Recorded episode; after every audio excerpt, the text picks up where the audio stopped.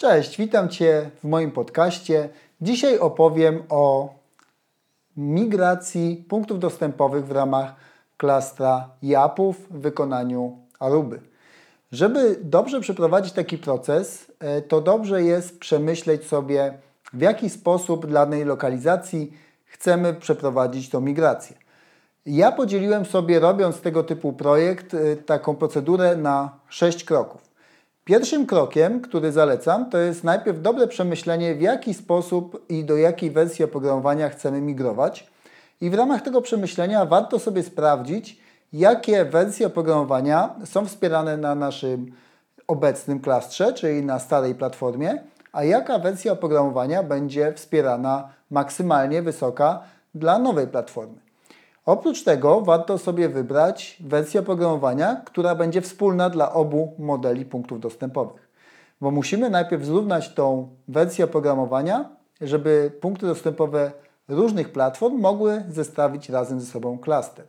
Jeżeli tego nie zrobimy, to po prostu nie uda się dodać nowych punktów dostępowych do starego klastra. Kolejnym krokiem, jak już mamy wybrany, jaki firmware będzie tym migracyjnym, jaki będzie docelowy, to oczywiście ściągamy sobie to oprogramowanie. Jeżeli jesteś zainteresowany, jak to zrobić, to nagrałem taką instrukcję y, i już w najbliższy poniedziałek będzie ona dostępna na moim blogu. Są też wszystkie linki, skąd ściągnąć oprogramowanie. Kolejnym krokiem, jak już masz to oprogramowanie, jest dodanie y, ze sobą tych dwóch punktów dostępowych, czy, czy większej ich ilości, ale głównie kluczowe są dwa pierwsze modele. Czyli mamy stary klaster, dodajemy nowy punkt dostępowy do tego klastra.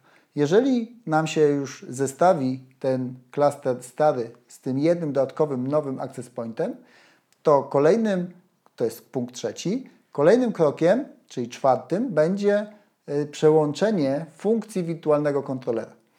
Po co się to robi? Chodzi o to, że wirtualny kontroler automatycznie może nam pomóc aktualniać oprogramowanie na nowych punktach dostępowych, które podłączamy.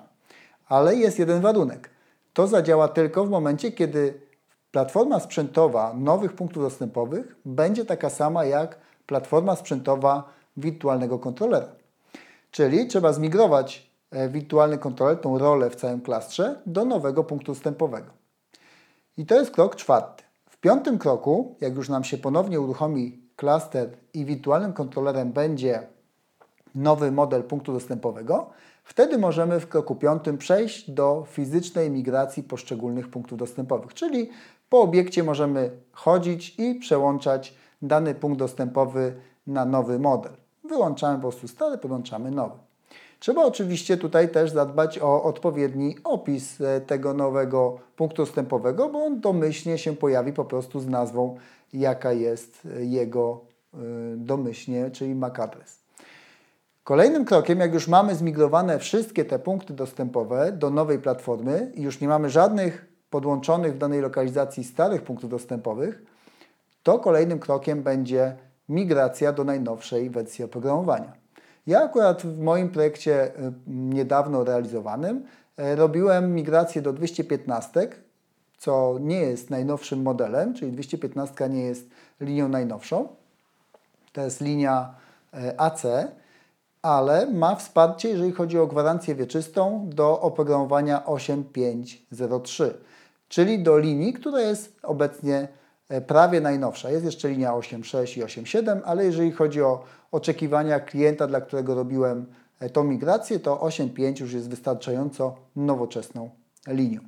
Więc jeżeli mamy już e, całą naszą infrastrukturę wirtualnego kontrolera zmigrowaną do nowej platformy, możemy wykonać aktualizację i po restarcie wszystkich punktów dostępowych mamy nowy klaster na nowej platformie z najbardziej aktualnym dla nas dostępnym oprogramowaniem. Więc w ten sposób proponuję to wykonywać. Jest kilka rzeczy, które e, warto zrobić zanim e, zaczniesz migrację, oprócz planu, o którym wspomniałem. Warto sobie zapisać adresy IP wszystkich punktów dostępowych, które mamy obecnie w tym klastrze i tych starych i ewentualnie tych nowych, które się podłączą. Chodzi o to, że mm, jeżeli restart jest y, na przykład z powodu zaniku prądu całego budynku, to zdarzało mi się już w takich sytuacjach, że między sobą powstały w ramach tych różnych punktów dostępowych powstał więcej niż jeden kontroler wirtualny, czyli jeden klaster. No i teraz, żeby sobie z tym poradzić, najlepiej jest zalogować się na adresy IP, e, bo to jest dostęp dla nas zdalny, e, tych punktów dostępowych, które się nie pojawiły. I wtedy się zalogujemy do kontrolera wirtualnego, który jest dla nas zbędny, niepożądany, ale logując się tam możemy wywołać akcję restartu. Czyli restartujemy ten niepożądany klaster i jak te punkty dostępowe się uruchomią, to już się powinny podłączyć do właściwego dla nas przygotowanego klastra, czyli tak jakbyśmy chcieli, żeby ta cała infrastruktura działała. To, co najczęściej jest problematyczne w takich migracjach, to właśnie ta fizyczna odległość tych punktów dostępowych. E, I dlatego te punkty, jeżeli mamy ich listę w postaci adresów IP, jest to po prostu dla nas wygodniej i szybciej. E, co jeszcze warto mieć na uwadze, jeżeli chodzi o migrację? E, warto tutaj zadbać ewentualnie o jakiś typ monitoringu. Czyli jeżeli mamy na przykład AirWave'a, który monitoruje nam typowo takie klastry, jeżeli mamy ich więcej, to zazwyczaj się tak stosuje, to też jest bez wątpienia przydatne narzędzie, jeżeli chodzi o aktualizację. E, jeżeli mamy e, w danym klastrze, który pracuje, bo tak się też często zdarza, różne modele access pointów, czyli nie migrujemy od jednego modelu starego do jednego modelu nowego, tylko mamy w danym klastrze e, różne modele, cały czas działające, mm, to warto wtedy korzystać z mechanizmu aktualizacji oprogramowania dla danego klastra, ale on się musi wtedy opierać nie na wskazaniu konkretnego lokalnego pliku z firmware'em, bo tak się nie da, bo ten plik jest różny dla różnych modeli, ale jest możliwość w tym GUI wpisania e, linku w postaci e, URL-a. I jeżeli mamy serwer swój lokalny, to możemy przygotować po prostu taki serwer z odpowiednimi plikami i wtedy wpisać te URL odpowiednio dla danego klastra, w zależności jakie modele mamy.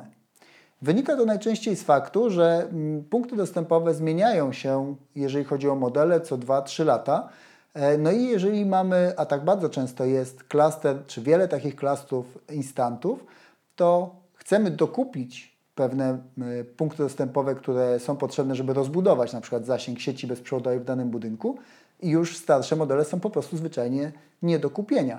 E, I dlatego się wtedy te modele miksuje. Ale tu oczywiście warto mieć na uwadze fakt, że no, utrudnia to bez wątpienia, utrudnia prace utrzymaniowe. Więc jeżeli e, nie mamy budżetu i nie możemy sobie ujednolicić, no to, no to trudno, trzeba z tym jakoś żyć.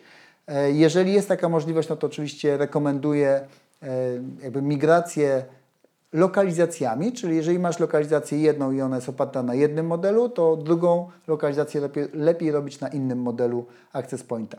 To jest jedna możliwość. No a alternatywnie możemy oczywiście korzystać z tego upgrade'u potem przy pomocy URL. Więc to na tyle, jeżeli chodzi o e, dzisiejszy odcinek. Jeżeli masz jakieś pytania, to pisz w komentarzu, a jeżeli nie, to słyszymy się już za tydzień. Do zobaczenia.